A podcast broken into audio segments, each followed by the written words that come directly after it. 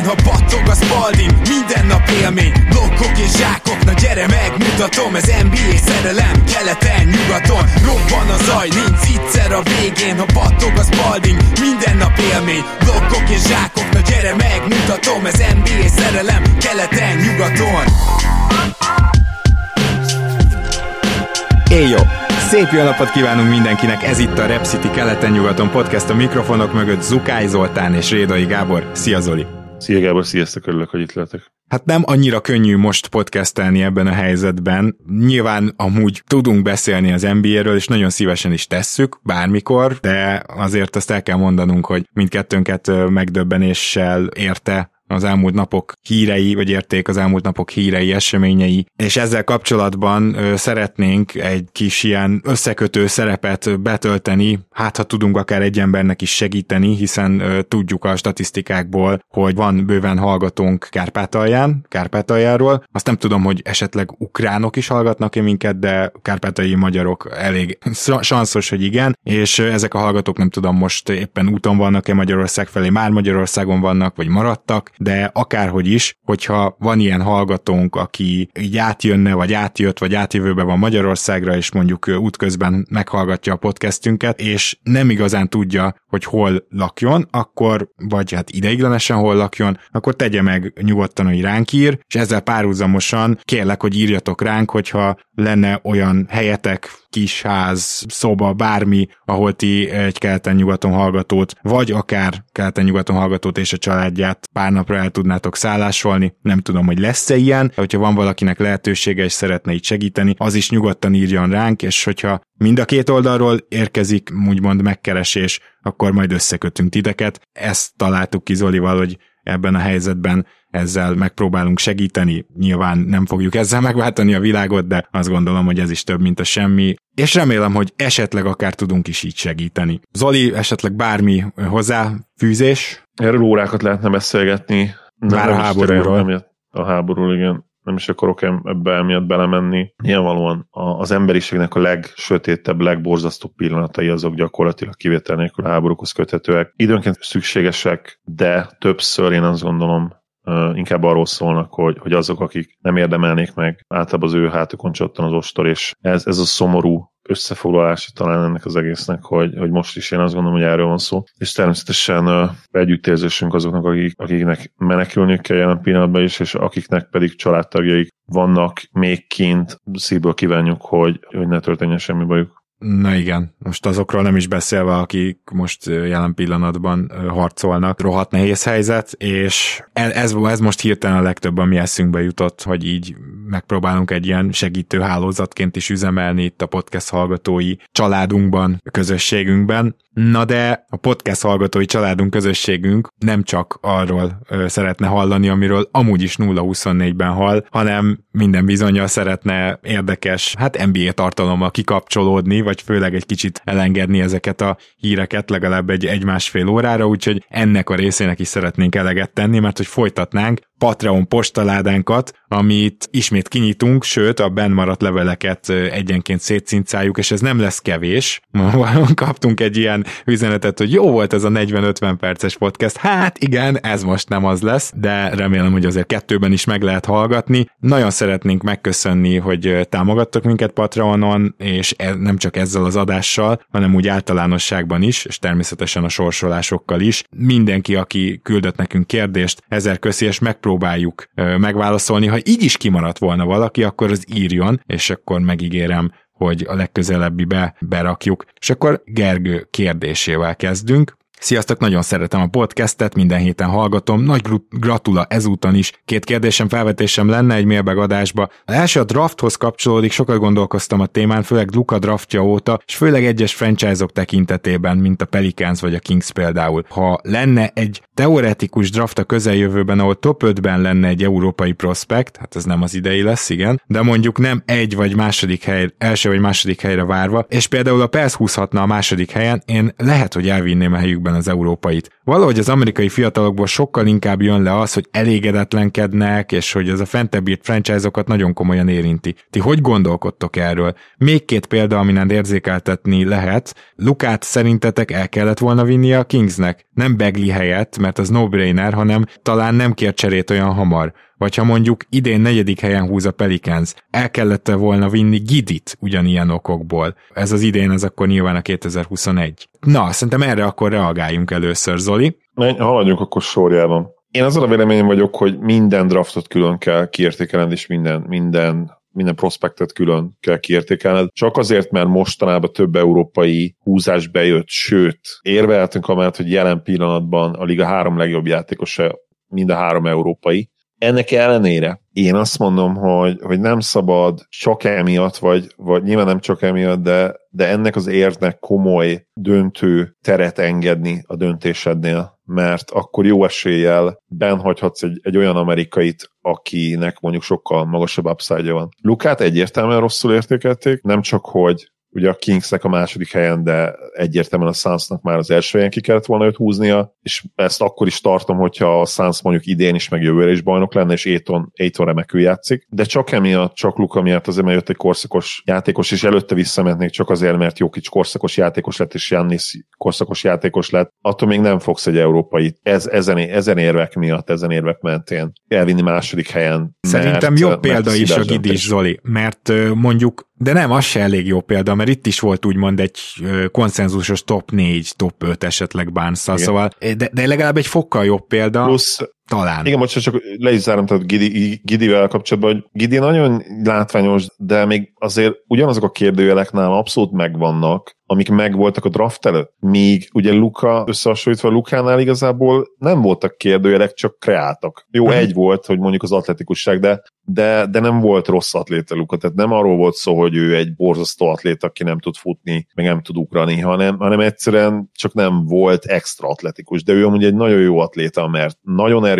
nagyon koordinált, Szóval, szóval itt azért nála ugye kreáltak kérdőjeleket. Gidinél egyértelműen legit kérdőjelek vannak, ugye, mint scorer és shooter, fogalmunk sincs, hogy mire lesz képes. Lehet, hogy marad ez a jelenlegi, ami azért eléggé gyenge szint, legyünk őszinték. És ha ez marad, akkor az borzasztóan limitálja az ő max potenciáját is. Úgyhogy én, én, én nem őt se vinném el feltétlenül feljebb. Igen, és uh, szóval én, én is azt gondolom, hogy mégiscsak ezek a fő szempontok, és konkrétan azt hiszem, hogy a Kings meg volt róla győződve, hogy Begli jobb lesz, mint Luka, ami hát ezt nagyon-nagyon kevesen mondták, maradjunk ennyiben, de értem abszolút a felvetésnek a lényegét, hogy a, a, akkor, ha már kiválasztunk valakit magasan, és van ott abban a zónában egy európai játékos, ha válasszuk őt, mert ő nem lesz olyan hamar elégedetlen, stb. stb. Na most azért nézzük már meg egyrészt azt, hogy oké, okay, hogyha kettőtől négyig mondjuk ugyanazokat, a já- vagy ugyanazt a három játékost bárkit is választasz, jól jársz, tehát mondjuk egy ilyen szituáció, mint az idei drafton volt. Azt mondták, hogy Cunningham után, akár Moblit viszed, bár akkor még Saxot is, Jalen Saxot is felsorolták, vagy Green-t, tök mindegy, jól fogsz járni. Tehát, hogy egy ilyen szituációba kiúszhatod de csak azért, mert európai. Mert hogy úgy tűnik, hogy az amerikai játékosok ugye isztiznek. Szerintem egyelőre túl kevés az európai sztár történelmi viszonylatban, mostanában rohadt sok van, de egyébként történelmi viszonylatban kevés, hogy ezt így kijelentsük, és a másik pedig az, hogy azért nézzük meg azt, hogy Carl Anthony Towns még ott van Minnesota-ban, Bradley Beal állandóan mondja, hogy ott akar maradni Washingtonban, pedig ugye ezek az elmúlt években, ezek a franchise-ok hát hasítottak a középszerűség felé, jó, a Washington nem olyan régóta, mint a Minnesota, de értitek, hogy mit mondok, hogy most Zion miatt érezzük szerintem ezt, ugyanakkor Zion sem egy könnyű eset ilyen szempontból. Tehát itt nem arról van szó, hogy egy egyébként fedhetetlen csapattársaiért és a saját koordinációért, testéért mindent elkövető, szuperszorgalmas sztár itt elégedetlen, mert ennyire igazságtalanul kezelte őt a franchise, tehát ne, nem erről van szó, hanem Zion se egy könnyű eset, és a franchise is hülyeségeket csinált, de hányszor van ez a helyzet egyébként most az elmúlt évekből, mert akik elégedetlenkedtek és úgy mentek el, ez például Paul George volt, ahol az Indiana vezetősége gyakorlatilag közölte vele, hogy azért nem húz meg egy cserét, mert ők nem szeretnének ö, luxusadó közelébe menni, vagy luxusadóba menni, ö, akkor se, hogyha ezzel mondjuk inkább contenderek lennének. És Paul George azt mondta, hogy hát basszus, menjetek már a francba, én itt szeretnék nyerni, és ez azt jelenti, hogy nem adjátok meg a lehetőséget. És lehet ezért Paul George-ot szidni, de azért ez egy teljesen másik szituáció, és ő akkor már meghosszabbította a saját ruki szerződését, már ö, maxon volt Indiánában. Tehát alapból azt gondolom, hogy egy 5-6 év minimum benne van egy franchise-nak, akármilyen rosszul alakul a viszony, és nem csodálkoznék, a Zionnak is benne lenne 5-6 év a Pelicans-el.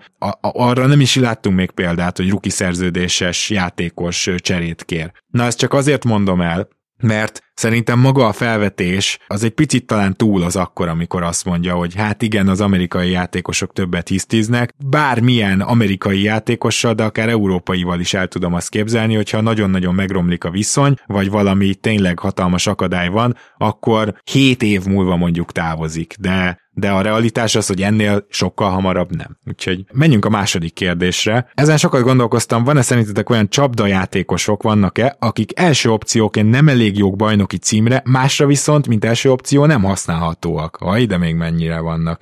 Többsz- többszörös asztárokra, talán uh, Hall of Fame aspiránsokra gondolok. Eklatáns példa a közelmúltból Thomas, nyilván a kis Isaiah Thomasról beszélünk, és lehet, hogy szigorú vagyok, de ilyen Bill, Lillard, Irving, nagyon fáj ezt mondanom, mert a kedvencem, Westbrook fiatalabb énje, Levin, és talán ide tart Trey Young és Mitchell is. Van ilyen egyáltalán? Ha igen, mit kezdenétek vele? Megtartod, maxolod, tehát magyarán kezeled-e franchise playerként ez a kérdés, hogyha csapdajátékosnak tűnik. Ez a csapdajátékos valójában az annyira csapdajátékos szerintem, hogy általában csapdába sodorja magát a franchise-t is, nem Zoli? Tehát nagyon nehéz azt elképzelni, hogy mondjuk Levint nem maxolják ki, mert hát igen, vele nem leszünk bajnokok esetleg. Sőt, tovább megyek. Ezeket a játékosokat ugyanúgy kezeled akkor is, ha tudod róluk, hogy csapdajátékosok. Ja. Mert asset management. Tehát ugyanúgy kimaxolod, mintha, mit tudom, mintha Lukáról vagy, vagy Jamorántról beszélnénk. Tök ugyanúgy kimaxolod őket. Nincs, nincs igazából különbség. Nem lehet különbség, mert, mert nem írhatsz le egy ilyen játékost az NBA-ben. Függetlenül attól, hogy igen, túl jó ahhoz, hogy, hogy úgymond leírt, és ahhoz meg valószínűleg nem elég jó, hogy, hogy első számú opcióként bajnoki címet nyerje vele. Westbrook egyébként nyilván azért érdekes példa, mert neki nem is kellett volna első számú opciónak lenni, és az igazság, hogy azért a,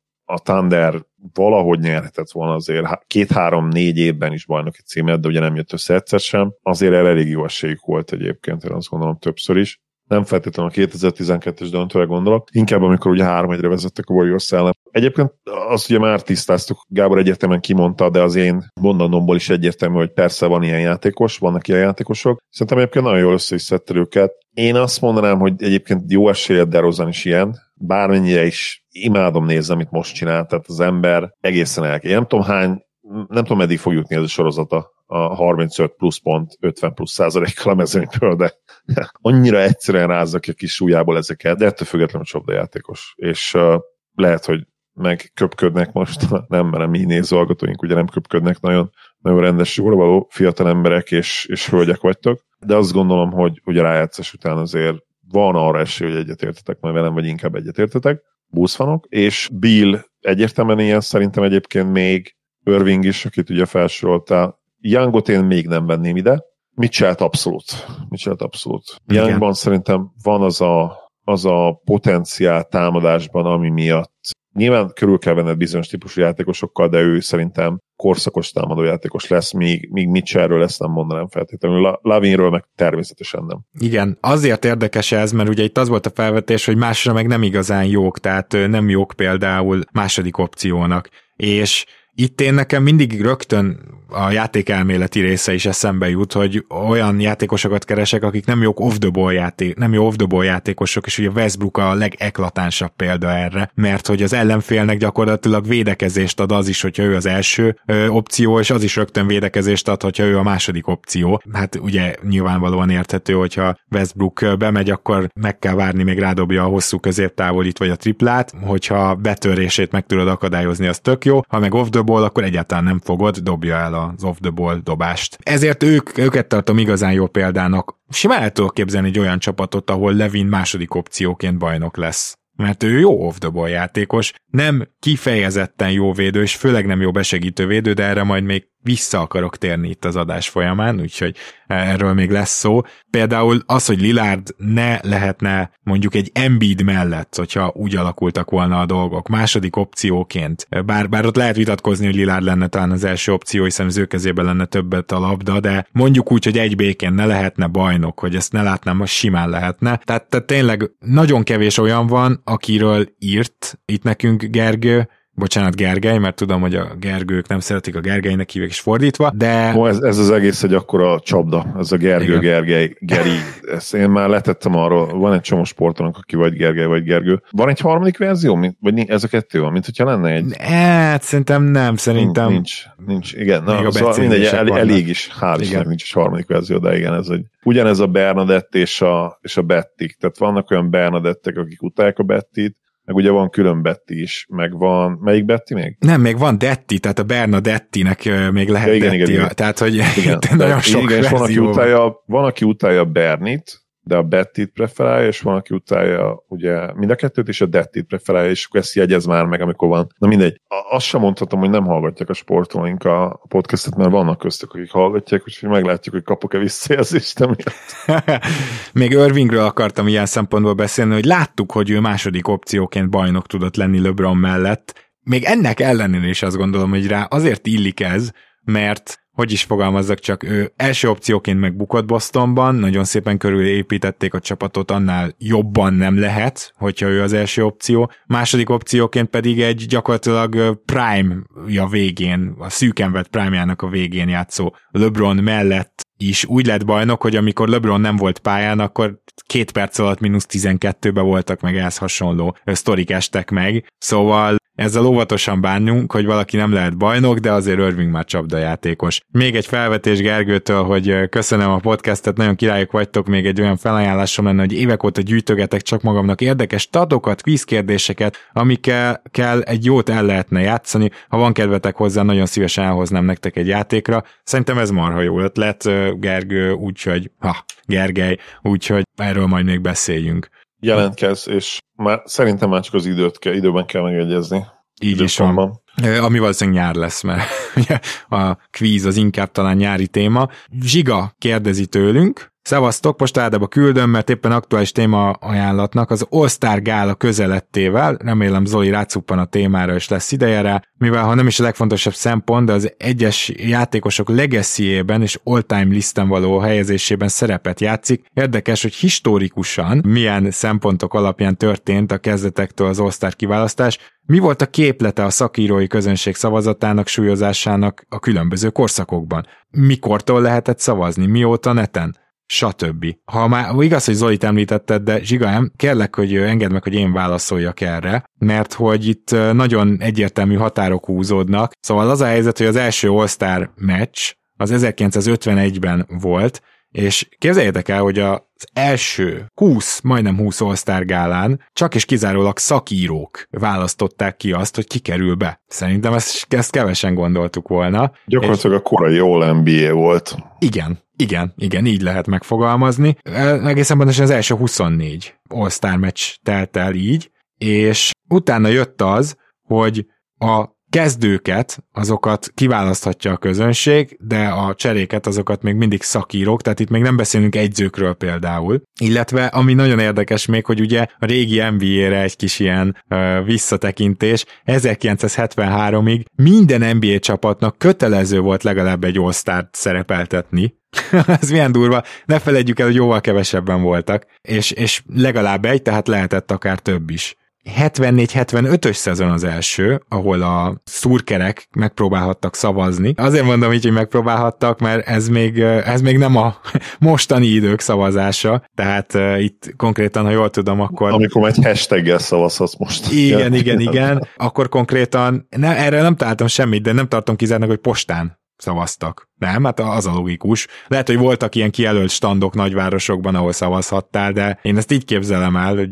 esetleg telefonon, de hát a 70-es években még abban se vagyok biztos. Úgyhogy ez, ez is ilyen extra érdekesség. És akkor igazából a 12-es, 13-as szezonban jött még egy nagy változás, tehát egy csomó ideig így volt, aztán, hogy a kezdőket teljesen a közönség választotta ki. 12-13-ban jött az, hogy a center mint olyan, az kikerült, és akkor ugye három felső posztú, hármas, négyes, ötös posztú játékos kellett a kezdőbe, illetve 2016-17-ben unták meg a Pachulia, meg Yao Ming, meg hasonló szavazásokat végül az NBA vezetői, és ekkor a média képviselői és a jelenlegi játékosok is 25-25%-ba beszálltak, és 50%-ban maradt ugye a kezdők kiválasztása a fanoknál. És gyakorlatilag most is ez az éra van, tehát azóta nincs ebben változás, úgyhogy így alakult a cucc, hogy először szakértők, aztán a szurkolók a kezdőötöt és a szakértők a padot, és hogy mikor jött be mondjuk az, hogy a padokat az egyzők töltik fel, arra nem találtam, de az is lehet, hogy, hogy itt a 2016-17-es változtatásoknak a következménye, de így alakultak a dolgok. És akkor most, hogy erre válaszoltam, arra kérnélek Zoli, hogy ö, olvasd fel a következő kérdésünket, amit magabiztos teve küldött, hogyha jól látom. Sziasztok! Az AD draftot a követem nyomon a néhol szánalmas, néhol haldokló New Orleans Pelicans. Néha úgy érzem, hogy csak cringe érzés, hajhászása és saját önsanyargatása miatt nézem még őket. Ez, ez nagyon jó self-reflection. Fontos szerintem az önirónia, és az, hogy magunkban nézzünk időnként. A kérdésem az lenne, hogy homerség nélkül, ha most kellene egy csapatot választanotok, aminek az összes meccsét megnéztük, melyik lenne az, és mi lenne a szempont? Utóirat nagyon jók a podcastjaitok, először is köszönjük a bókot Bálint, mert ugye elárultad azt is, igen, hogy maga biztos teve egy Bálintot akar. Hogy mely csapatot nézném, én gondolkodtam ezen kb. egy olyan 5 percet, és uh, arra gondoltam, hogy a legegyszerűbb, ha ellopom a Gábornak az egyik csapatát, ugye, amelyikkel szimpatizálok, de ugye jelen pillanatban azért szurkolója nem vagyok. A Raptorsnak félig meddig azért szurkolója voltam az elmúlt jó pár évben, és ez természetesen az által sokat emlegetett Memphis, Memphis Grizzlies, hogy miért nagyon egyszerűek az indokok. Hihetetlenül látványos szupersztár, aki olyan egyéni dolgokat tud csinálni, amit rajta kívül, hát gyakorlatilag senki a ligában, és hihetetlenül jó csapatkosárlabba, ami, ami számomra szintén nagyon fontos. Ráadásul ugye tele vannak fiatalokkal, ami számomra mindig egy extra szimpatikus faktor. Nagyon szeretem azt nyoma, nyomon követni, hogy évről évre mennyit fejlődnek a játékosok, és az nyilván a fiatalabb játékosokra jellemző azért, hiszen 25-26 éves korára általában szinte mindenki eléri a, a maximumát, bár egyébként a modern kosárlabdában ez nem feltétlenül van így mindig, mert sokszor előfordul az NBA-ben az, hogy 25-27 éves koráig játékos inkább az atletikus adottságaiból él, és utána fekszik rá, hogy igazán a, a skill, a készség, a dobás, a passzjáték fejlesztésére. Erre is látunk például bőven. Lilát de, például, hogy egyet mondjunk. Van. Igen, szóval a Memphis Grizzlies egyértelmű. Nem akarom elismételni, amiket mondtál. Annyit tennék inkább hozzá, hogy azért is a Memphis Grizzlies, mert fantasztikus sztori az, hogy ilyen fiatalon most ilyen jók, és igazából itt tényleg van némi esély akár egy dinasztiára is. Nem mondanám, hogy erre fogadjatok, vagy bármi, de hogy ilyen szinten vannak az esélyek, az, az megint csak szerintem hívogató lenne. A következő kérdésünket Szabolcsnak köszönhetjük. Sziasztok! Patreon postáladóhoz járulnék hozzá.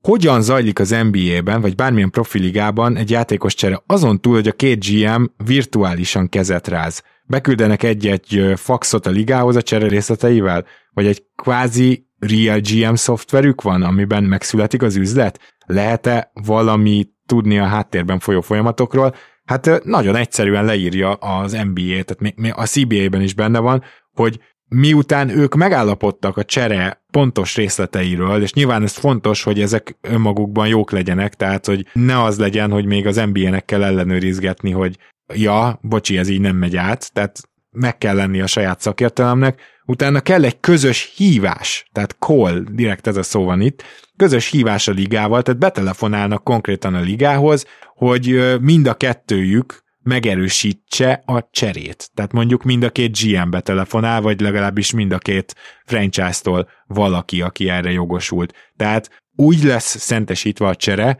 hogy egy közös hívásban, amit nyilván rögzítenek, a felek mindkét oldalról megerősítik, hogy miben állapodtak meg. Igazából erre csak ennyi a válasz. És akkor Zoli, én a másodikat azt felolvasom, de ott akkor kérlek te válaszolj.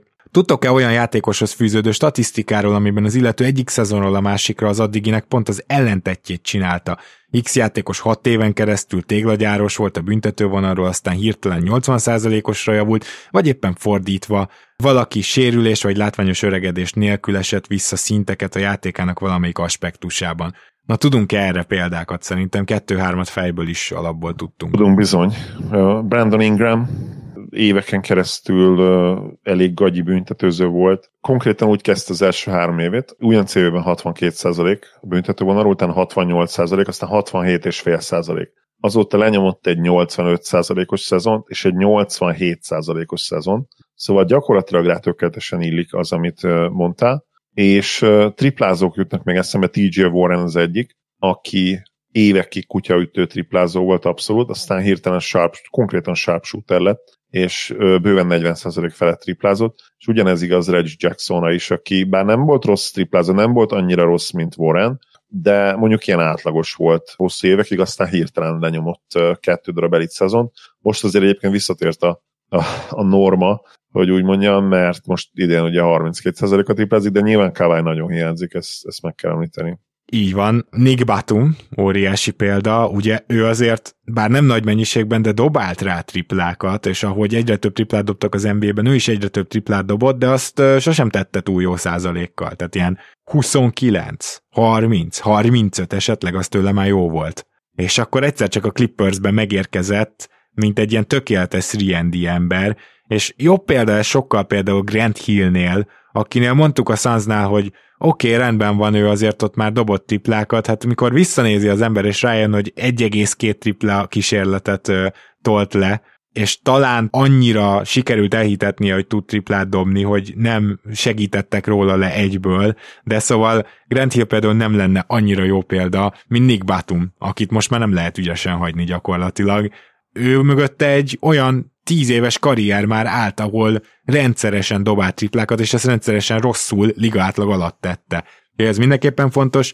Westbrook hihetetlen visszaesése büntető százalékban, erről már sokszor beszéltünk, és még sok olyan példát tudnék mondani Wayne Ellington, Dame Lillard, ahol ilyen 35-37 százalék körül dobálták a triplákat, ilyen két-három rádobottal, és így ránézel egy három vagy két évvel későbbi statisztikára, és egyszer csak azt látod, hogy így 7-8-10 rádobottból 40 százalék, és így mi van? Szóval, hogy azért voltak jelei, ők sose voltak rossz dobók, nem ezt akarom mondani, illetve Kyle Lowry-t kell még ugye megemlítenünk, aki egy ilyen közepes alatti triplázóból hozott le utána egészen elit, vagy majdnem elit tripla szezonokat, és hát most is, amikor például volt ez a Dragic Lauri csere ugye a Miami-ban, akkor mikor beszélgettünk a felvezető adásban, akkor Gobodis Tomi is, Tomi is egyből rávágta, hogy Lauri kategóriákkal jobb dobó, mint Dragic, pedig Lauri tavaly 35%-kal dobott, csak épp 9 kísérletből, most fejből mondom, lehet, hogy 8, Dragic pedig 5-6 kísérletből tudott hozni 40%-ot, szóval, hogy a kísérletszám tényleg nagyon sokat számít, meg az, hogy milyen nehéz triplákat tudsz bedobni, és milyeneket vállalsz el. És sajnos nyilván tripla visszaesőink is vannak, de azért ez nagyon sokszor sérülésekhez is köthető, mint például Bertáncnál. Menjünk is tovább, én azt javaslom. Zoli, arra kérnélek, hogy Peti kérdéseit olvast föl, kérlek, akár haladhatunk részenként is. Sziasztok! Egy-egy melegítő kérdés után feltennék kicsit hosszabb, gondolkodósabb kérdést is. Gáborhoz szól az első kérdés. A szezon elején szittel egy-egy játékos a két kedvenc csapatodból, Siakam és Tyus Jones. Tudom, mindkettő javulását megemlítetted már korábbi adásokban, de kifejtenéd bővebben, hogy mi változott náluk a játékban? Ó, nagyon szívesen. Tehát ugye nyilván a tavalyihoz képest kell nézni, mert hát a szezon elején is azért cittem őket, mert még a tavalyi minta állt leginkább rendelkezésemre, és Sziakammal kezdve ő gyakorlatilag azt a előnyét, ami miatt All-Star játékos volt, illetve akkor All-NBA volt, és All-Star nem, de ez most részletkérdés, szóval értitek, All-Star szintű, azt az előnyét teljes mértékben elvesztette, és bár ugyanúgy elég jó védő lett, hozzáteszem, hogy idén abban is újra szintet lépett, és kb. ilyen all defensive team szinten védekezik Pascal Siakam, ez még megmaradt, és ezért nem volt ilyen totál negatív jelenlét a Raptorsnak, de a gyűrű közeli befejezések, a lepörgések, a közeli flótereknek a hatékonysága olyan szintet esett vissza, és nyilván nem segített az se, hogy az időnként felpislákoló, időnként 34-35 százalékosnak tűnő triplája is újra inkább a, a kezdeti éveket idézte, amikor nemes egyszerűsége fakezűnek nyilváníthattuk. Szóval, hogy mindez egyszer csak egyik pillanatról a másikra visszaesett, és ugye Nyilván ellen volt egy ilyen sztori is, hogy hát ő tényleg nem fogott kosárlabdát a kezében a Bubble League, tehát ő le is nyilatkozta, hogy hát igen, ő otthon maradt. Az NBA játékosok nagy része azért próbált egyzésbe maradni, ő nem, és ezért a Bubble-ben jött először elő, amikor rohadt fontos lett volna. A mai napig azt gondolom, hogy egy jó sziakámmal lehet, hogy tovább jutottunk volna a Boston ellen, ugye az egy 4-3-as széria volt, nem 100%-ra állítom, de, de onnan nagyon hiányzott például az ő hatékonysága, az ő jó egyegyezése, befejezése és aztán lenyomott így tavaly egy teljes szezont, és most ez a 21-22-es szezon sérülten kezdte, és ráadásul az első két hétben, hát ennek megfelelően nem is teljesített túl jól. De hogy azóta mi változott? Hát pontosan ez. Ez az erősség visszatért, megint jó százalékkal fejez be, triplája még mehetne följebb, de fontos triplákat dobott, ennyit elmondhatok.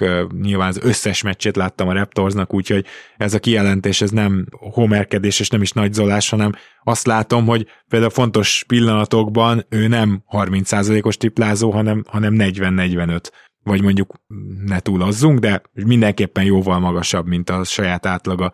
És erre a játékosra ha nem is mondjuk bajnok csapatot, de már egy jó csapatot lehetne építeni, és az, hogy mérges rá a szurkoló, az, az is benne van, hogy megkapta a max szerződést, és az nagyon rosszul néz ki, amikor megkapja egy játékos a max szerződést, és rögtön utána rosszabb lesz.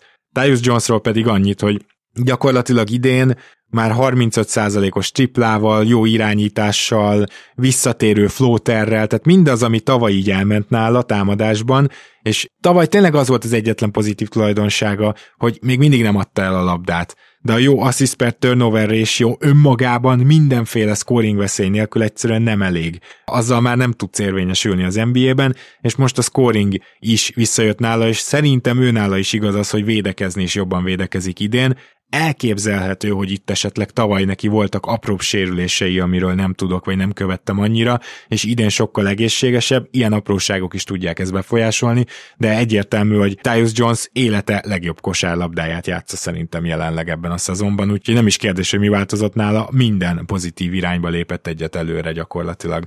Zoli, akár majd ehhez is nyugodtan, hogyha van hozzáfűzésed, de a te kérdésed, Szerinted, ha Dörknek most lenne a prámja, mennyire alakulna át az ő játékstílusa, mi lenne a gyengessége, illetve mit várhatnánk tőle? Persze nagyon domináns lenne MVP szint, csak hogy mégis mennyire lenne más az ő játéka, mint a legjobb éveiben volt, zárójelbe teszem hozzá, abban a korszakban. Szóval, hogy néz neki a mostani Prime Dirk? Több tripla, az teljesen egyértelmű. Ha jól emlékszem, ilyen három kísérlet alatt van karrier szinten, egyértelmű, hogy többet triplázna, illetve több playmaking. Valószínűleg többet lenne kezében a labda. Ugye ma, ma minden technikás, magas ember gyakorlatilag playmakinget is nyom valamilyen szinten. Dörk is ebbe az irányba menne inkább. Mi lenne a gyengessége? Ugyanúgy a kis emberek lábbal való megtartása. Tehát ez, ez nagyjából nem változna. Támadásban azt gondolom jobb lenne, ma védekezésben azért nehezebb dolga lenne, mint a saját volt. Igen, azzal teljesen egyetértek. Mi lenne a legidálisabb forgatókönyv, ez már mindkettőnknek szól a saját kedvenc csapatotoknál, hogy újra igazi contenderek lehessenek. Ti mit csinálnátok, illetve minek örülnének játékos mozgás egyzőcsere, bármi. Azért olvastam ezt fel gyorsan, mert akkor folytathatod is a gondolatot a dallas kapcsolatban. Hogy lenne szerinted contender a Dallas? Szerintem a Dallas egyszerre van nagyon közel és nagyon távol az, hogy contender legyen. Azért közel, mert gyakorlatilag egy játékos megszerzésére vannak ahhoz, hogy igazi contenderok legyenek, azért távol, mert az ilyen játékos megszerzése nagyon nem egyszerű. Kellene nekik egy Middleton, vagy egy Devin Booker, vagy egy Anthony Davis, tehát extra-extra minőségi második számú opció, aki maga is sztár, közel és távol, ahogy mondtam. Nagyon-nagyon egyetértek. A Raptorsnál azt hiszem most meg kell várnunk azt, hogy Scotty Barnesból lesz-e, vagy lehet-e hát ha nem is Kawai szintű, de közel Kawai szintű játékos, tehát úgy értem, hogy top 10-es, top 15-ös játékos mondjuk így, mert ha igen, akkor ez a keret akár azt is mondhatjuk, hogy tele van ugye elképesztően minőségi kezdőkkel, még fejlődhetnek is bőven, Analubi is csak 24 éves, most lesz 25 talán, Gary Trent 23 lesz, szóval, hogy ezek a játékosok, ezek nincsenek kiöregedve, akkor ezt érdemes megnézni.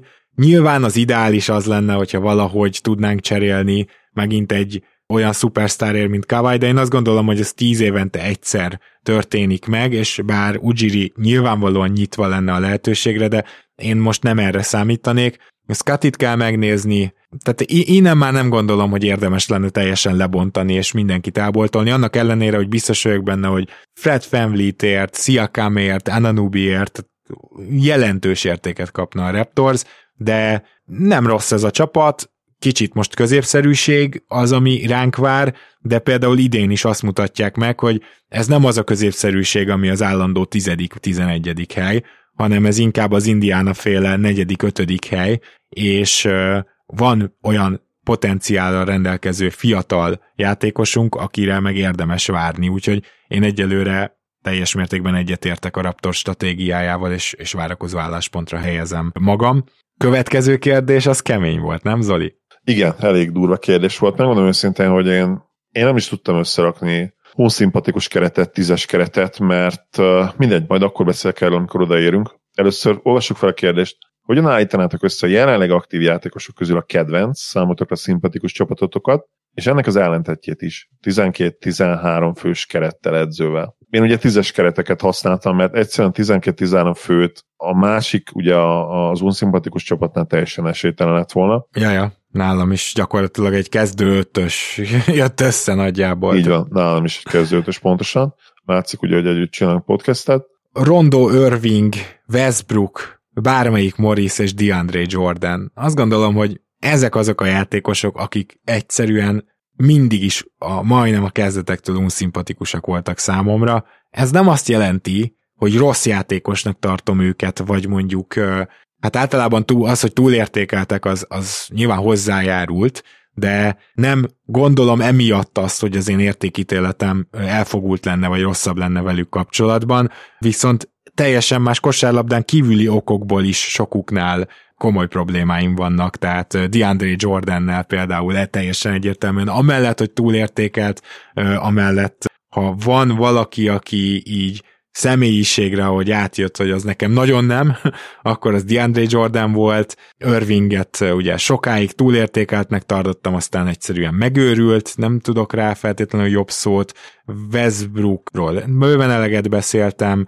Rondót mindig is, tehát hogy tudom, hogy mennyire okos ő, mint ember, hogy így mindenki mondja, de egyébként a, a játékstílusa az nálam ott vágódott el, amikor Steve Nashhez kezdték el hasonlítani, és bevallom ez elfogultság, hiszen Steve Nash óriási történelmi kedvencem, valószínűleg top 5 kedvenc játékosom ever, de az, hogy Rondo mennyire mozgat egy csapatot, és Steve Nash mennyire mozgat egy csapatot, még a Rondo Prime is távol van attól, és valószínűleg itt kezdtem el egy kicsit hát rosszul viszonyulni Rondóhoz, de azóta semmi olyat nem tett, ami ezt egy icipicit is javította volna, sőt, tehát ezek a húzásai, hogy leszerződik valami csapathoz, valami kisebb csapathoz, amit aztán teljesen leszar, csak ott megkapott mondjuk 9 milliót, és kivásároltatja magát, és aztán átmegy egy bajnok esélyeshez, ezt eljátszani egymás után háromszor, ez ettől nagyjából csak hányni tudok. Úgyhogy nálam ez lenne így körülbelül az utált csapat. Gyakorlatilag teljesen az utált csapatom. Én Simons-t is beleraktam. Te Simons nem raktad bele, ugye? Nem, én a valamelyik Morris-t Na, nekem ennyi. Be. Tehát ugye Irving, Simons, Rondo, Morrisék és Westbrook. Ja, akkor még DeAndre Jordan maradt nálad nálam ki. Ő, nálam ő kimaradt, én DeAndre-t nem utáltam soha, vagy nem is nagyon volt annyira unszimpatikus igazából. És én egy ilyen old, pár all-time nevet is hoztam, ugye D-Wade, ezt nem kell magyarázni természetesen, Bruce Bowen, azt gondolom ezt se kell magyarázni. Én Stademaier-t szerettem, megmondom az őszintét, és hát Carmelo is ezen a listán van, aki még ugye aktív, de, de gyakorlatilag már utolsó egy-két-három évében van. Úgyhogy ezeket a neveket szedtem össze. 12-es keretet én nem tudnék a maiból összerakni, mert tényleg, és azt hiszem, hogy ez rávilágít erre ez a lista, hogy relatíve ritka az, amikor úgy igazán nem kedvelünk valakit. Nem erről vagyunk híresek egyikünk se egyébként, mint ember se, hogy nagyon utálkozó típusok vagyunk. Hát bizony az tényleg vagy nagyon szem és agyat, agyat nem kímélő üzemmódban, játékstílusban kell játszani, vagy konkrétan a mi csapatunkkal kellett, hogy valamit tegyen az illető.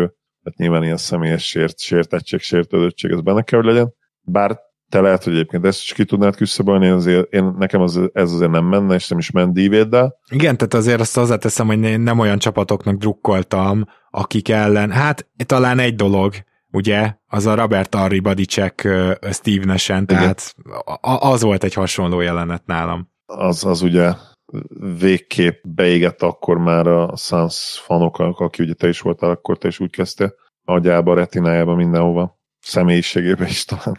Mondok egy kedvencekből összeállított csapatot, ez nyilván könnyű volt, és még több kedvencem is van ennél, de, de próbáltam a, a, a top-top kedvenceket ilyen csapatszerűségbe formázni. Nyilván lesz Grizzlies játékos és lesz Raptors játékos benne, tehát ez talán nem lepődünk meg. Jamorant, Luka Doncic, Bridges, ugye Phoenixből, Ananubi és Embiid lenne a kezdő, nem kezdeném el lebontani, hogy ez miért lenne bajnok ez a csapat, vagy mondjuk ha belegondolok a Luka Morant védekezésbe, akkor lehet azt is megindokolnám, hogy miért nem. Larry, Desmond Bain, Chris Middleton, John Collins és Adebayo a padon, és még felírtam, hogy Jared Allen, Jaren Jackson Jr., Fred VanVleet és Scotty Barnes még mondjuk ott ülne a, pad végén. Hát legyen ez a, a kedvencekből összeállított csapat. Nem rossz. Mindenkit sokkolni fog, hogy én beraktam azért pár euró, európait. Az irányítom Curry lenne, a cseréje Jalen Brunson, a dobó hátvédem Clay Thompson és Bogdan Bogdanovic, tehát ugye a Splash Bro a kezdő hátvéd duom. Lukát, azért hát azért csak rakjuk már ezt a Luka Doncsi gyereket, kis csatárposztra raktam, de hát nyilván akár előcsatárként is használta, tök mindegy igazából, vagy, vagy kettesként, egyesként.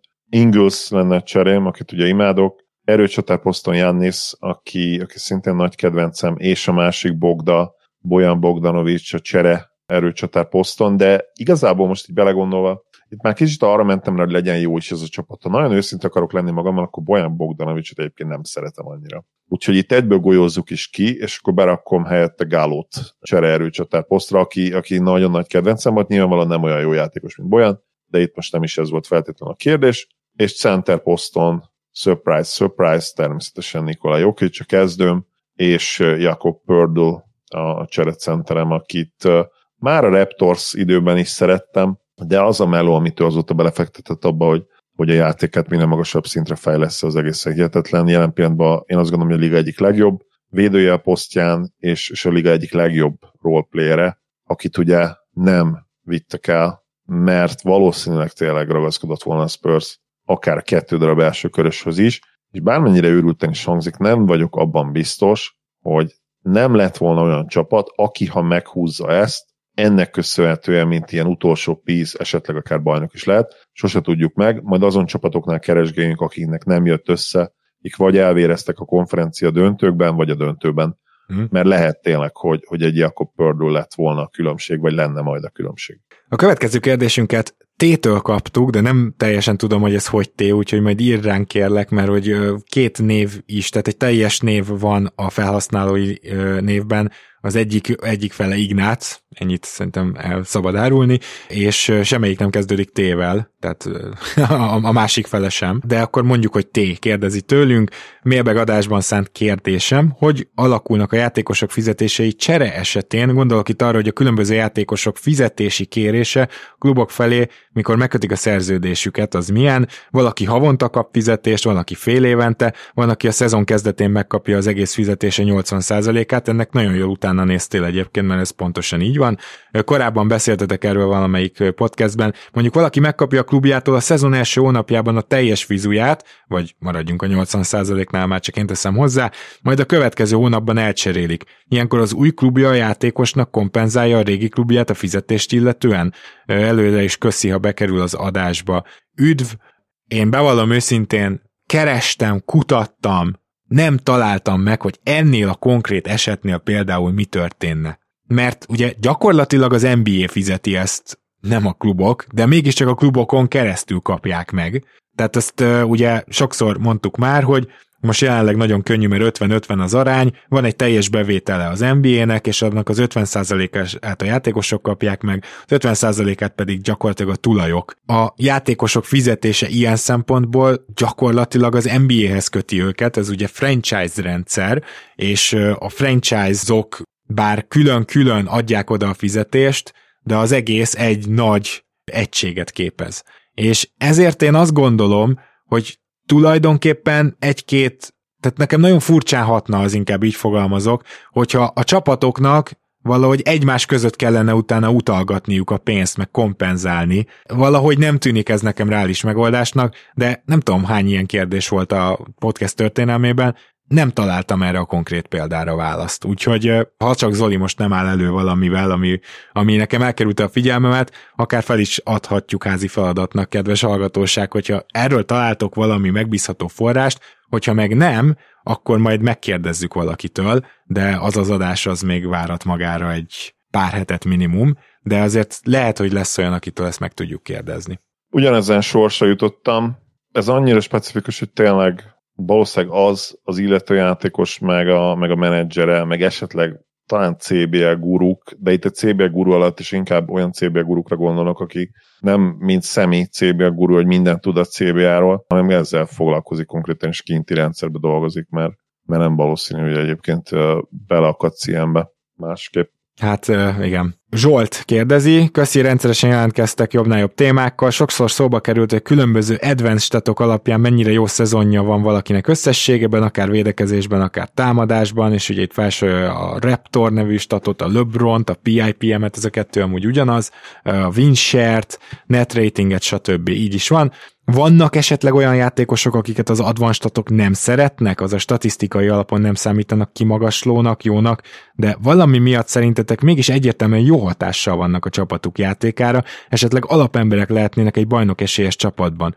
Ha vannak ilyenek, akkor mik az ők legfőbb pozitív tulajdonságai, ami nem megfogható statisztikai alapon, például glue guy, veteránvezér, pályán belét kiajtó játékos, stb.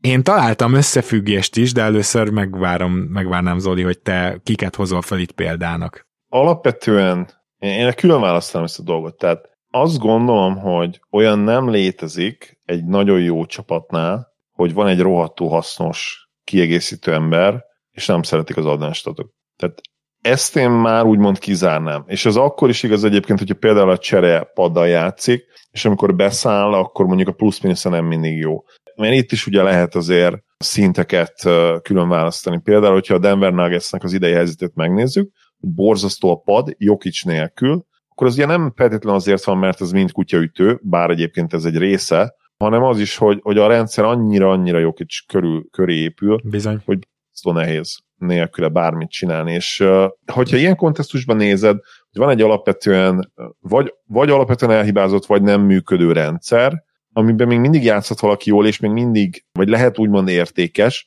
de nem fog kijönni a, a, az értékeadvány statokban, mert ő is ugye masszívan mínuszos lesz. És ezt azért borzasztó nehéz szerintem definiálni. Ebben segít egy karrierút, vagy legalább két-három-négy-öt év, mert olyan viszont rendszeresen van, és kicsit ezzel áttérve a másik részére mondanomnak, olyan viszont rendszeresen van, hogy, hogy akár egy fiatal játékos, akár mondjuk egy új donsült játékos, akiért nemrég cseréltek, nem tud hamar beilleszkedni. Az előbbi azért nem a, a fiatal, mert valószínűleg még nem elég jó, még nem tud eleget a játékról, még nem tud eleget esetleg a rendszerről, és ahogy telik az idő, egyre jobb lesz, egyre jobban beilleszkedik, és így nyilván egy rossz advanced játékosból, ami elég sok újonc például, egy pozitív advanced játékossá válik idővel. És Sőt, nyilván bocs, csak annyi kiegészítés, hogy néha egyik évről a másikra, tehát fiatal játékosoknál Igen. sokszor látunk ilyet. Igen, tehát ha ezt a típust is ide számoljuk, akkor nyilván millió játékos lehetne említeni. Viszont akit te keresel, a kérdésedből ugye úgy fogalma, úgy venném ki, vagy legalábbis én úgy próbáltam értelmezni, és, és ezért lesz az a konklúzióm, hogy szerintem ilyen játékos nincs,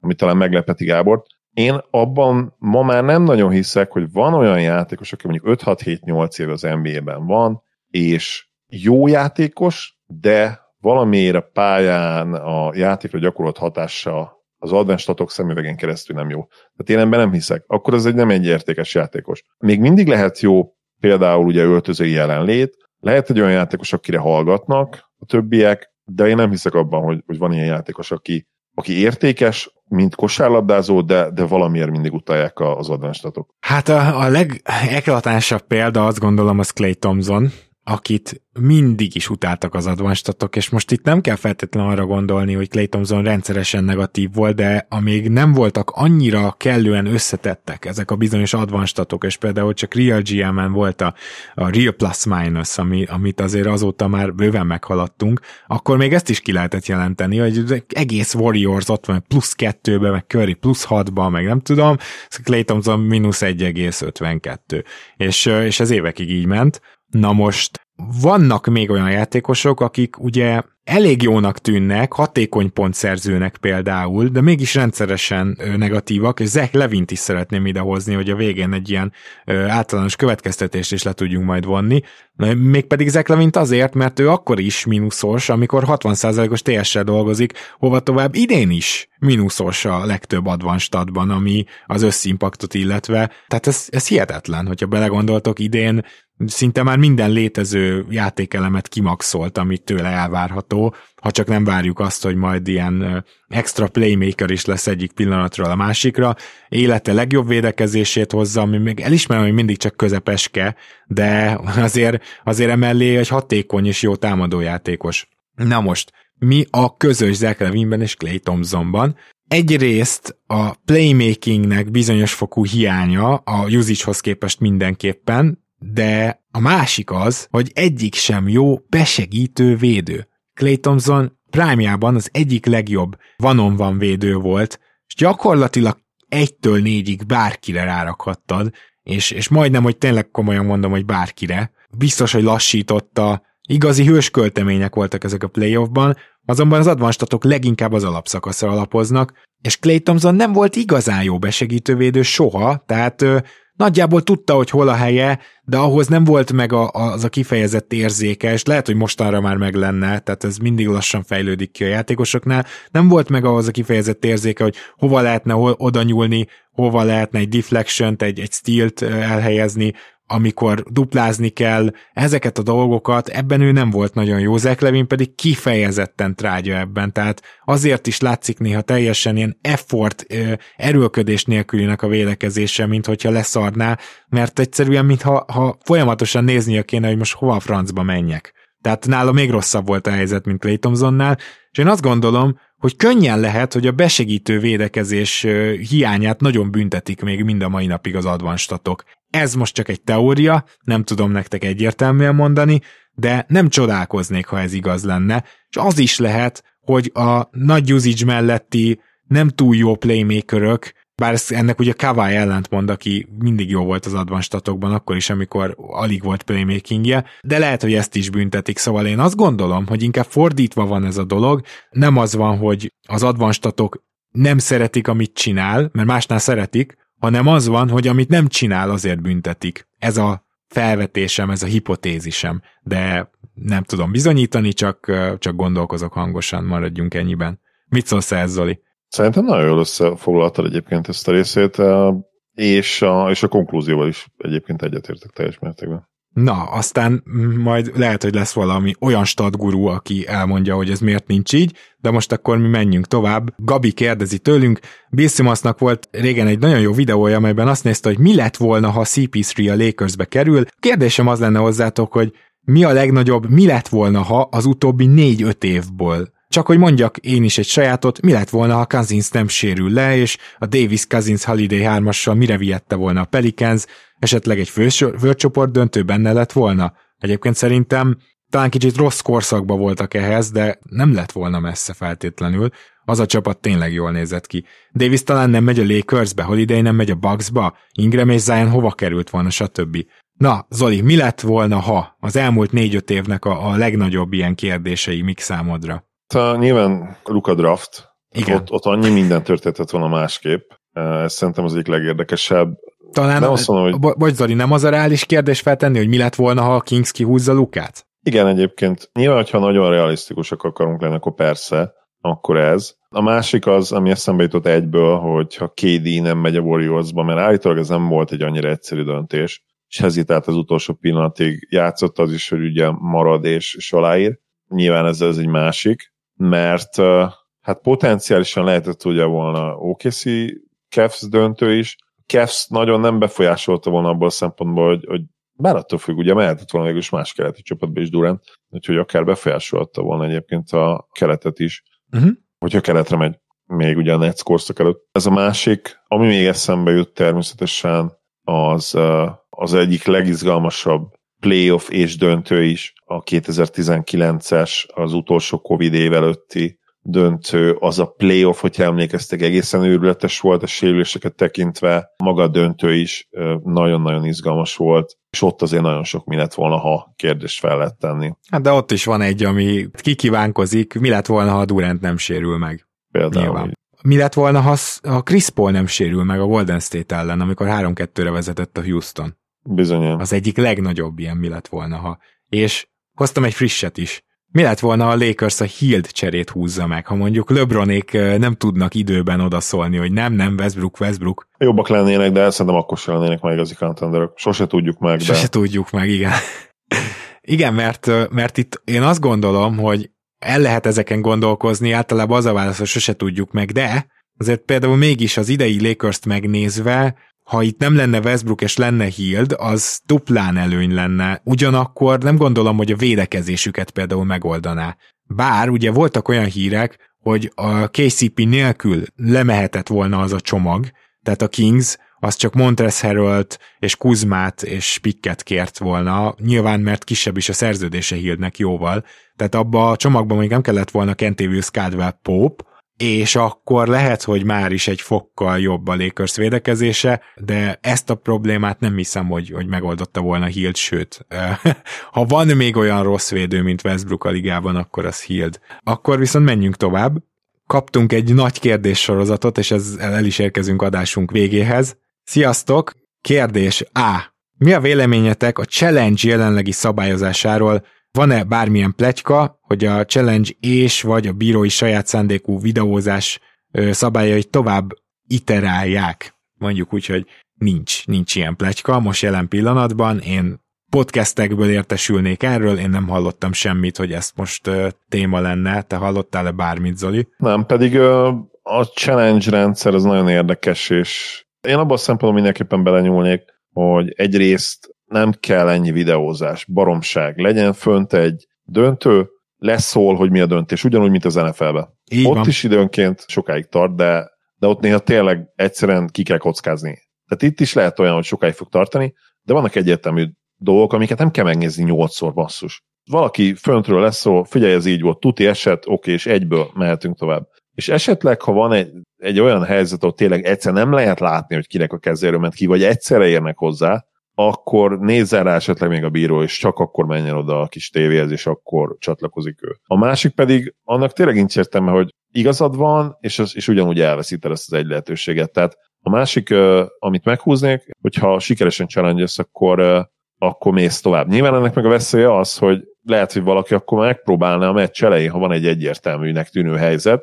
Oké, okay, challenge. Jó, bejött. Ú, ma jól érzem magam, tök jó, kiszúrtam ezt a dolgot, megchallengelem a következő faltot is, az is bejön. És matematikai alapon, még ha tök ilyen semmikre, és nem is látod, és csak Brahiból benyomsz tizet, előbb-utóbb lesz olyan, hogy valakinek tízszer lesz igaza, és akkor gyakorlatilag tízszer állna a meccs, ami nyilván nem jó, úgyhogy a második változtatásom úgy nézze ki, hogy első sikeres esetén kapsz még egyet, de a második után akkor is a sikeres game over. Yep. Nekem is ez a két változtatásom, úgyhogy ezt nem is húznám tovább. Igazából van úgy is még a challenge kapcsolatban egy B kérdésünk is. Ez a B kérdés pedig az, hogy van-e szerintetek olyan egyző, aki a ti meglátásatok szerint a saját játékosai szempontjából pszichológiai mágus, vagy antitalentum, és a challenge-et kifejezetten jó vagy rossz ritmusban és esetekben szokta kikérni. Itt most nem a challenge sikerességére gondol, ezt külön ki is fejti nekünk Gergő, akinek köszönjük a kérdéssorozatot, mert tőle még jön majd, hanem arra, hogy ugye bizonyos játékosoknak tud így az egyző pozitívan üzenni, hogy igen, a te kérésedre, akkor kikérem a challenge-et, és nyilván a játékosok, ezt is leírja Gergő, folyamatosan mindig mutogatják, hogy nézzük vissza, nézzük vissza már az első negyed legelején is akár, és egy egyzőnek ugye közben nyilván a, amiatt, amit mondtál Zoli, muszáj taknikusan gondolkozni, hogy mi van, hogyha ez a challenge a negyedik negyed végén kell majd. Na most hogy van-e ilyen egyző, aki ezt nagyon jól vagy nagyon rosszul használja, itt érkezünk el, én legalábbis itt érkezem el határaimhoz. Tehát az a probléma, hogy rengeteg NBA meccset nézek, a Memphis és a Raptors összes meccsét, plusz nézek még összefoglalókat, ha van kifejezetten számomra érdekes meccs, vagy tudom, hogy jövő héten az lesz az overreactionben az a csapat, akkor annak esetleg az ilyen mm, vagy 10 perces összefoglalóját megnézem, vagy akár átpörgetem magát a meccset gyorsan, hogy tényleg csak az actionöket, hogy lássam, de ahhoz tényleg mind a 30 csapatnak az összes meccsét normálisan végig kéne nézni, hogy erre érdembe tudjak válaszolni, én úgy érzem, mert az, hogy az egyzők milyen pszichológiai pillanatban kérik ki a, a challenge-et, hogy ez jó-e vagy rossz-e, az ugyan, amikor ellenfél nézőben vagyok, és mondjuk memphis vagy raptors játszik valaki, akkor érezhetem, hogy nem annyira jó, de hogy ebből én mintát vonjak, én lehetetlen küldetésnek tartom. Zoli, neked van-e esetleg olyan, ami feltűnt, vagy lehet csak én vagyok ebben ilyen korlátolt, és simán lehetne mintákat vonni. Én annyit tudok elmondani, hogy szerintem Jenkins egyző nem kifejezetten jól kéri ki a challenge-eket, Nick Nurse viszont ebben baromi jó, még akkor is, hogyha nem túl jó a sikerességi rátája, Nick Nurse tényleg pszichológiailag használja ezeket, és amikor a csapatának is úgy érzi, hogy jól jönne, hogy ezt most már tényleg nézzük meg, mert ez már a negyedik, ötödik ilyen ö, kísérlet, akkor akár a harmadik, negyed közepén is kikéri ezt a challenge-et, szerintem ez tök pozitív. Úgyhogy én ennyit tudok csak ehhez hozzátenni. Igen, ezzel kapcsolatban találtam egyébként statokat, és gyakorlatilag taktika, pszichológia, valóban a legtöbb edző ugye az utolsó negyedre tartogatja, az edzők több mint fele 51%-a, illetve az összes challenge több mint 51%-a a negyedik negyedben történt, és relatívan magas azért az overturn rate, tehát amikor megváltoztatják a bírók a döntést, 39%. Én ezzel a következtetéssel nem értek egyet feltétlenül, hogy, hogy az hatással van a csapatra, hogy, hogy az edző úgymond kire hallgat, és kinek a jelzésére nyomja be a challenge-et, nem hiszem, hogy ez bármit számít. Meg az se, hogy, hogy az edző úgy ítélném meg, és attól tenni függővé, hogy melyik játékos a kalimpál neki, nem. Attól teszi ezt függővé az edző, hogy hányan kalimpálnak, mennyire kalimpálnak, milyen helyzet, tehát hol járunk éppen a meccsen, tehát nyilván ez is fontos, illetve mennyire látta, gondolja ő maga is úgy, hogy, hogy bejöhet a dolog. Tehát ez ilyen kombinációs dolog, és ez, ez totál így ezeknek a, az adott pillanatban összeadódó hatása, ami alapján meghozzák a döntést. Az lehet, és sőt nem lehet biztos, hogy sokszor mondják azt maguknak, hogy inkább a negyedik negyedre tartogatom, és csak esetleg egyértelmű, mondjuk olyan esetnél húzzák be, amikor például ugye három pont lehet a bukó, négy pontosnál ott nagyon sokszor, tehát amikor hármas bemegy és falt, ott, ott tényleg érdemes megpróbálni szinte mindig, mert adott esetben négy pontot vehetsz el az ellenféltől. Viszont, hogyha esetleg kedves hallgatók, nektek van olyan a saját ö, csapatoknál az egyző, hogy tényleg végignézitek a szezon összes meccsét, akár fenn is maradtok éjszaka, ö, és van rálátásotok ilyen szinten, hogyha van olyan, aki azt mondja, hogy a saját egyzője ebben hatalmas talentum, tehát nagyon jókor kéri ki, és tényleg nem a sikerességre gondolunk, hanem ha esetleg ő tényleg pszichológiailag használja, mint ahogy én mondtam ezt Nick Nurse-nél, hogy a, a csapat hogyha négy-öt már rossz ítéletet kapott, akkor szokta kikérni, és nem feltétlenül vár a negyedik negyed végéig, azért, hogy egy kicsit ilyen, le, legyen egy ilyen, na látjátok bírók, na megmondtuk, hogy ellenünk fújtok érzés, ilyen közösségi érzés. Hát, hogyha bármi ilyen jelenséget megfigyeltetek a saját csapatotok egyzőjén, akkor mindenképpen írjátok meg. És a következő kérdés az pedig egy játék ötlete, melyben Gábor kérdez és Zoli válaszol, amire készülni sem kell, sőt az a jó, hogyha a részletei nem ismertek Zoli számára, így elküldöm csak Gábornak, és azt szerintem jó ötlet majd megcsinálja. Szerintem jó ötlet, úgyhogy szeretném megcsinálni. Felsorolok játékosokat, az lenne a feladatot, hogy mondják, hogy milyen tulajdonság jut róluk eszedbe. Lehet kosárlabda tulajdonság is, de lehet kosárlabdán kívüli is. Az a lényeg, hogy vágd rá. Tehát ne nagyon gondolkozz, okay. hanem amit a, hallasz egy nevet, két évnek a Hall of Fame-je lesz terítéken. Chris Webber.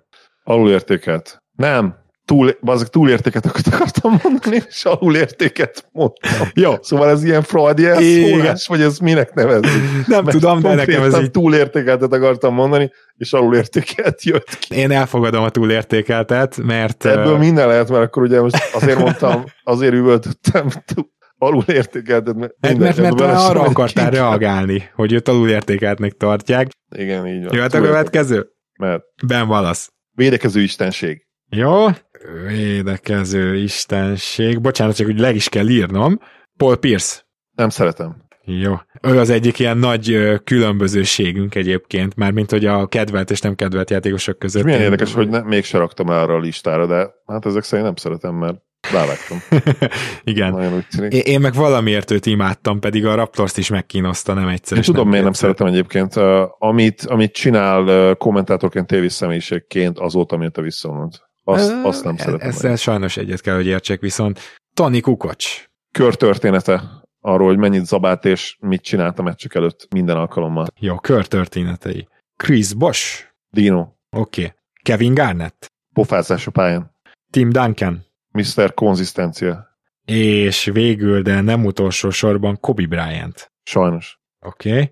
Na, most akkor igazán viccesbe fordul át a dolog, mert hogy csak az általad mondott szavakat fogom felsorolni, és az a feladat, hogy melyik mai játékos jut róla eszedbe ezt is próbáld meg rávágni, itt nyilván nem biztos, hogy mindegyiknél egyből rá lehet vágni, de kezdjük. Túlértékelt. Lavin. Lavin, oké. Okay. Nekem amúgy most már előbb jutna eszembe Sexton például, de, de lehet, hogy ő tényleg nem túlértékelt, mert úgy tűnik a ah. csapata sem túl akarja megtartani. Igen. Védekező istenség. Draymond Green. Okay, hát ez kétesélyes ez a válasz gyakorlatilag a mai ligában. Jó, nem szeretem. Rondo. Aha, igen. Oké, okay. kör történetei friss történet, Kuminga a következő Janis. Oké, okay, akkor, akkor Kuminga. Dino. Freddy. Jó. Pofázás a pályán. Luka. Hát igen, ez Dallas Druckerken nem lehetett más. Mr. Konzisztencia. Jokic. Igen. Sajnos. Képi. Oké, okay, akkor mondom a párokat. Weber Levinnek lett a párja, ezen keresztül Ben Wallace Draymond Greennek. Ez egész jó. Igen. Paul Pierce és Rondo lett egy pár. Ton- Tony Kukoc és Kuminga, ez egészen elképesztő. Az, az, az, az Chris Bosch lett Fred Family párja. Kevin nem Garn... rossz duo a mai NBA-ben. Amúgy nem. Kevin Garnett párja lett Luka Doncic. Az sem lenne rossz duo. Tim Duncan és Jokic, az, az, az tudod, az nem most nem lenne tudom, hogy oldanák meg, de nem. Az 20 éve lett volna nagyon durva páros, az nem? 20 éve durva lett volna. és uh, Kobe Bryant pedig uh, Porzingisszel került össze. Hát igen, nyilván itt más volt a sajnosnak a hangvétele. Igen, viszont szerintem ilyet még csinálhatunk máskor is, nem? Abszolút, nagyon-nagyon poén volt. Nyilván nehéz egyből rávágni, és ez nyilván akkor vicces, meg akkor érdekes, hogy tényleg egyből rá tudod vágni. Csak yep. uh, hát az én agyam nem erre a legmegfelelőbb, hogy, hogy ilyen nem, nem gyors tüzelő az én agyam. Az én agyam inkább ilyen lassan betöltjük, célzunk, és időnként találunk. Na és akkor még két kérdésünk van Gergőtől, illetve Zsoltól van egy. Hogyan értékelitek Clay Thompson, ez ugye még Gergő negyedik kérdése, Clay Thompson visszatérésének sikerességét, hogyan látjátok a Golden State szerkezetére, játékstílusára, hierarchiára gyakorolt hatását, ez ki is fejti, mennyit változott a távollét alatt a Golden State játékrendszere, mennyire került ugyanabba a szerepbe, nyilvánvalóan megcsillagozva az értékelését, mert Green visszatérésével majd egy csomó minden újra átalakul. Ami elsőre felületesen látszik, hogy magasabb Thomson usage rate vagyis ő is a csapat is igyekszik, vagy inkább erőlteti a játékba való bevonást. Vagy csak a Golden State játéka alakult át generikusan ennyire? És vagy csak Durant egykori usage jut neki? Mindenből nagyjából career high assist mennyiség jön ki, career low vagyis legrosszabb mezőny százalék és tripla százalék. Miközben a tripla kísérletek száma jelentősen nőtt. Az offenzív-defenzív net ratingek nagyjából hasonlóak, mint régen. Érdekel, hogy ti milyen változást láttok. Hát én nekem az első, ami szembe tűnik, az, az, hogy ő most rosszul dob, azon kívül valóban elképesztő az a usage, amit abban a 20 percben kap, amíg a pályán van, és nekem kicsit olyan érzésem volt rögtön az elejétől, hogy azért a, a nyers statisztikákat próbálja már meg megtermelni Clay, mint hogyha az lenne, hogy hogy hát érezze azt, hogy ő, ő azért fontos játékos, ugyanaz a játékos a csapatban, de való igaz az, hogy jelen pillanatban köszönő viszonyban nincs a usage a hatékonyságával, és ugye ez egy kicsit igenis negatívan befolyásolta a Warriors-t, meg ki is veszi időnként őket a ritmusból, még akkor is mondom ezt, hogyha volt egy-két nagy meccsek lének már, ahol ahol fontos pontokat, negyedik negyedes pontokat és sok pontot szerzett. Tehát erre is volt példa, de jelenleg inkább egy ilyen Colin Sexton-szerű jelenség, sőt, az, is se, az se igazán jó példa, mert egy Colin Sexton még hatékony is, és Clay egyelőre nem az. Ami viszont a nagyobb usage jár, az az, hogy több asszisztot oszt ki ebben a rendszerben, ami annyiban alakult át, hogy én azt gondolom, hogy még mindig köré, köré épül, de már nem olyan tehát megtanulta, kezdi megtanulni, hogy a Golden State az évek alatt, hogyha Curryt nagyon-nagyon ki akarják venni a játékból, akkor hogy passzolhatják ki az ellenfelet, és félmetes mennyiségű kattal dolgoznak, egalitáriánusabb lett egy kicsit ez az offense, és azt gondolom, hogy nyilván ez is magyarázza azt, hogy Clay Thompson asszisztban most jó, mert most se extra, de értelemszerű, hogy több asszisztja van, mint azt korábban megszoktuk. Jól kibontottad ezen ezeket a részeket, nem, foglak, nem fogom megismételni. Annyival egészíteném ki, hogy a januári a pocsék volt, ami teljes mértékben várható volt. Ugye két ilyen sérülésből visszatérni biztos volt, hogy kell majd idő, mire, mire belelendül. Februári eddig egyébként kifejezetten jó, főleg ami a triplázást illeti, ugye a védekezés az, az, az azért nem. Tehát a, a Warriorsnak a védekezése azért így hónapról hónapra romlott a, a szezonban gyakorlatilag. Most már én azt gondolom, hogy, hogy nagyjából ott vannak, hogy még mindig egy jó védőcsapat, de, de legalábbis azért vannak kérdőjelek a playoffra, és nyilván ennek része Clay is, mert ha vannak problémák a támadó oldalon, hát akkor teljesen egyértelmű, hogy a, a védő oldalon, ami ott a visszatért, ott, ott, ott lényegesen gyengébb, mint a támadó oldalon, mert a, mert a tiplázás az már igazából januárban sem volt annyira tragikus, nem volt jó, de 33%-kal dobta, azért nyilvánvalóan a jelenléte fontos volt, és februárban most már kifejezetten jól, sőt elit módon triplázik konkrétan, de a, a védekezése az egyértelműen ne, negatívum ezen a ponton. Tehát őt jelenleg nem is lehet jó védőnek mondani, de talán még közepesnek se. Jelen például azt gondolom, hogy gyenge védő. Igen. De hogy ezzel mennyire tud változtatni, az egy nagyon jó kérdés. És hozzáteszem, hogy ebben benne van azért az is, hogy Steph is hát jelentős energiákat spórol a védő oldalon jelen pillanatban.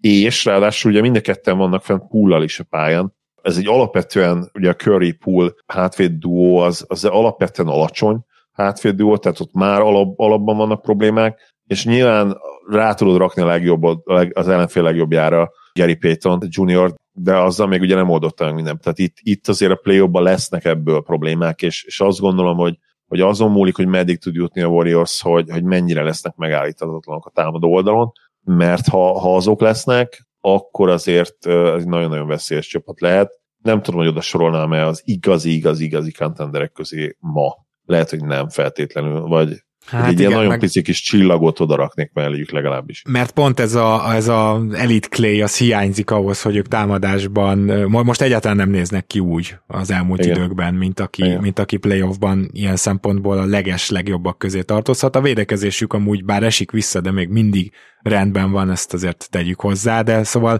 csak clay a kapcsolatban annyit akarok mondani, hogy ez, amit te mondtál a védekezésére, ezt ő maga is le is nyilatkozta. Azt mondta, hogy ott még egy 5-10 százalék egyszerűen kell a laterális mozgás gyorsasága, nincs meg jelen pillanatban. Úgyhogy ő, ő is teljesen egyetért ezzel. A következő kérdést nem olvasnám végig, hanem nagyon röviden feltenném, Zoli. Szerintetek mi kell ahhoz, hogy bajnok legyen a Suns? Egészség szerintem elég ezen a ponton. Tehát a mélység megvan, a, a sztárok megvannak, a jó harmadik, negyedik számú ember megvan, a super role player megvan, minden megvan egészségkel.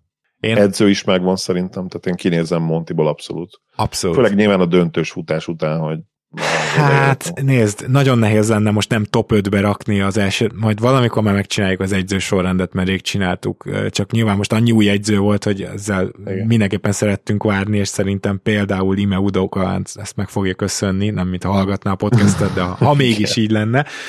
Szóval, amit akarok mondani, hogy igen, az egyző megvan hozzá, a védekezés várhatóan megvan hozzá, kiegészítők megvannak hozzá, Booker nagyon fontos lenne, hogy Bookernek nem minden második vagy minden harmadik meccse legyen ellenállhatatlan, és nem azt mondom, hogy az összes, mert az gyakorlatilag két játékos tudja megcsinálni, vagy három az egész ligában, James Durant és Kawhi, és vége, hanem inkább akkor fogalmazzunk úgy. Tök jó, egyetértek, hogy három játékos, csak szerintem egyiket sem soroltad fel, de oké, okay, értem, mit akarsz mondani. Nyilván a playoffra gondolsz. Abszolút. Meg, hogy ki az, aki már a múltban megcsinálta, de Igen. szerintem azért több van. Lehet, hogy de van még olyan játékos, aki minden egyes meccsen ellenállhatatlan tud lenni, de erről ettől a háromtól már láttuk, gyakorlatilag teljes playoff szériákon Amit akarok mondani, hogy ezt a szintet nyilván nem reális elvárni Bukertől, de egy picit több konzisztencia tőle mindenféleképpen kellene, mert a legesleg végén, amikor igazán durván jó csapattal találkozol a konferencia döntőben,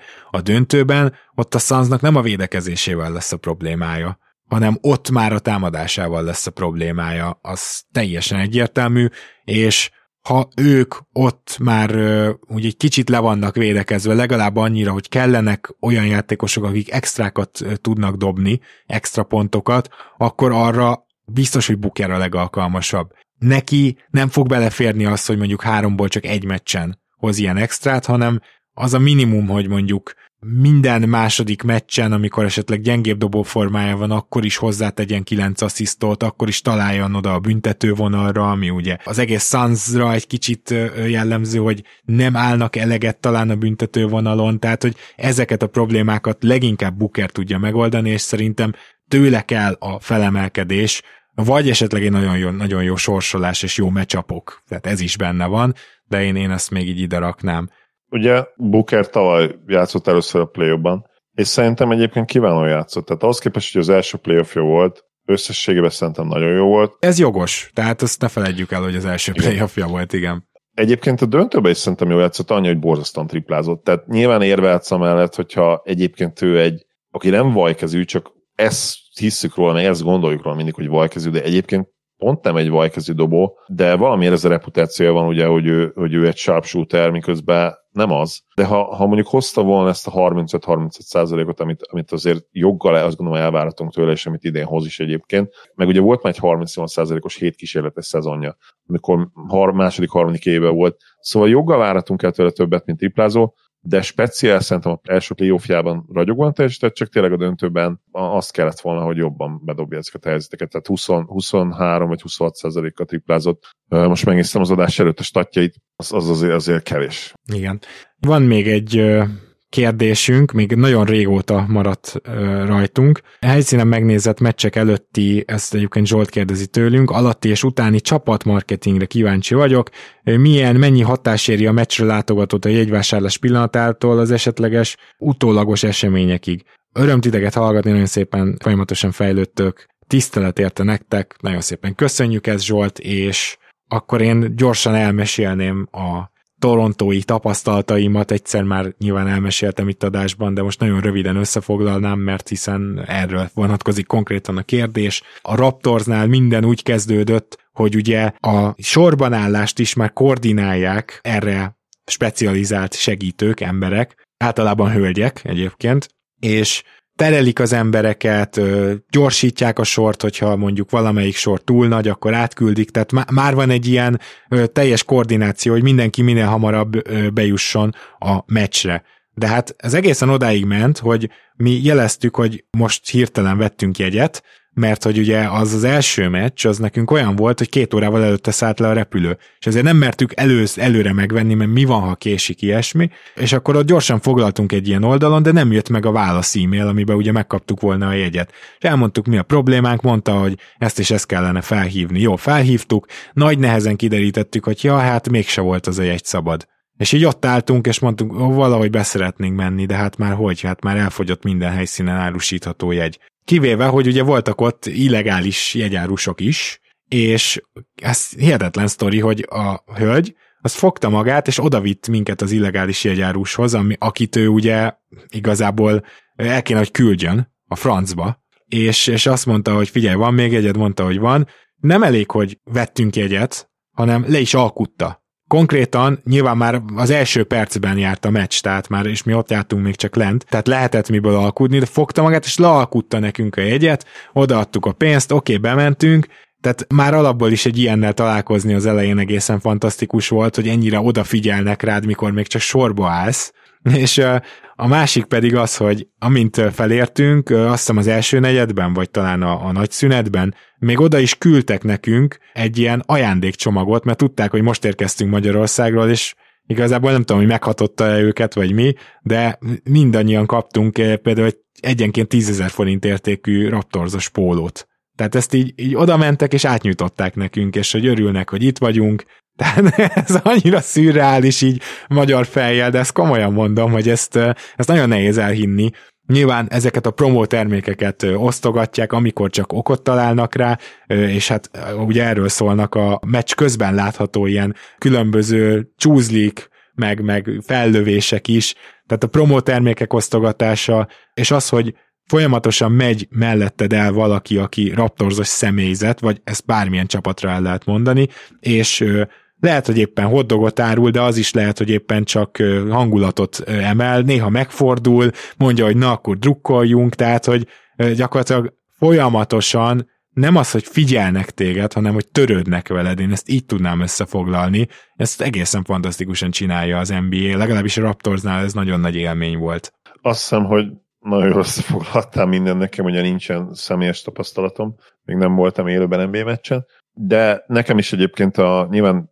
egészségtelen óraszámban néztem meccseket az életemben, League meg egyéb helyeken, úgyhogy, úgyhogy átjön azért egy része, és, és teljesen egyértelmű, hogy, hogy ez egy külön biznisz, ami a biznisz mögött van, maradjunk annyiban. Még talán két-három apróság. Van, amikor úgy próbálják álcázni, hogy elképesztően drágán vásárolsz, mert négy-ötszörös áron vásárolsz tényleg mindent, hogy ilyen akciót hirdetnek, hogy hát vegyél egy jó nagy adag popcornt, és aztán azt újra töltheted bármikor, amikor visszajössz oda. De ők jól tudják azt, hogy te a szünetben fogsz visszajönni, ahol sor lesz, és csak egyszer kell újra tölteniük ha nagyon élelmes vagy, vagy mondjuk ö, olyan valakivel vagy, aki nem zavar az, hogy egy percre kimegy a meccsre, akkor talán kétszer is újra töltheted. De csak ezt akarom mondani, hogy az ilyen piszkos és igazából átvágos marketing trükkökből is rengeteg van, tehát azért nagyon is motiválják az embereket arra, hogy költsék el a pénzüket négy-ötszörös áron, és ezt azért meg is teszik, úgy is, hogy például sör, az nem csak a hát különböző, legalább egy ilyen egy emeleten például 8 vagy 10 ilyen kiszolgáló pult van, ahol tudsz venni, hanem még meccs közben is ugye járkálnak, és ott sört is lehet kapni, és akkor fogja, odaadja, kifizeted, cső, és megy tovább. Úgyhogy ez a része is azért a, a, a piszkosabb marketing része is, is nagyon hát tökére van fejlesztve. És még egy élmény, a második meccs, amire mentünk, ott pedig amikor rögtön bementünk, ott volt egy stáb forgatott, rögtön szóltak, gyertek oda, és akkor be kellett mondanunk, hogy go Raptors go, de így mind a négyünknek a kamerában nézve, és aztán ezt persze később le is vetítették. Úgyhogy még, még ez az, ami ilyen élményként ehhez hozzájön. Nem tudom, mennyi lesz a vége, talán másfél óra, de mi egy és három négy órája beszélgetünk, Zoli, úgyhogy azt hiszem eljött az alkalom, hogy lezárjuk ezt a mai adást. Így van. Nekem sajnos még folytatódik a, a dolgos munkanap. Remélem, te tudsz pihenni helyettem is. E, előtte még kell valami jó vacsorát is főzni, és köszönjük továbbra is, hogy hallgattok minket. Már pont most az adás felvétele alatt kaptam egy üzenetet Facebookon egy kedves nézőhallgatónktól, Gergőtől, akinek nagyon jó ajánlása volt a Patreon tírekre, úgyhogy ha eszetekbe jut bármi ilyesmi, én nem olvastam, nem láttam kommentekbe az előző adás kommentjei között, lehet, hogy én voltam figyelmetlen, de ha bármi ilyesmi eszetekbe jut, akkor szóljatok tényleg, mert lassan összerakjuk. Nyilván utána ezt megosztjuk majd veletek, tehát nem egyből implementáljuk, hanem egy ilyen Excel valamiben kirakjuk, egy külön posztba, és ott gondolom ott lesz majd erről diskurzus, de addig is, mert most ugye még az eredeti első ötletek kialakulása van folyamatban, tehát ebbe most még ehhez is hozzátehettek. Aztán persze nyilván, hogyha valami jó, van valami nagyon jó ötlet, akkor azt utólag is bele fogjuk tenni, de, de hajrá. Így van, és akkor mára pedig el is köszönünk. Köszönöm szépen, hogy ma is itt voltál. Örülök, hogy itt lehettem. Szia Gábor, sziasztok! Ahogy Zoli is mondta, köszi, hogy hallgattok minket, köszi, hogy támogattok minket, jövő héten jövünk. Ha minden igaz, akkor újabb Overreaction következik majd úgyhogy addig is minden jót nektek, kitartást Ukrajna. Sziasztok!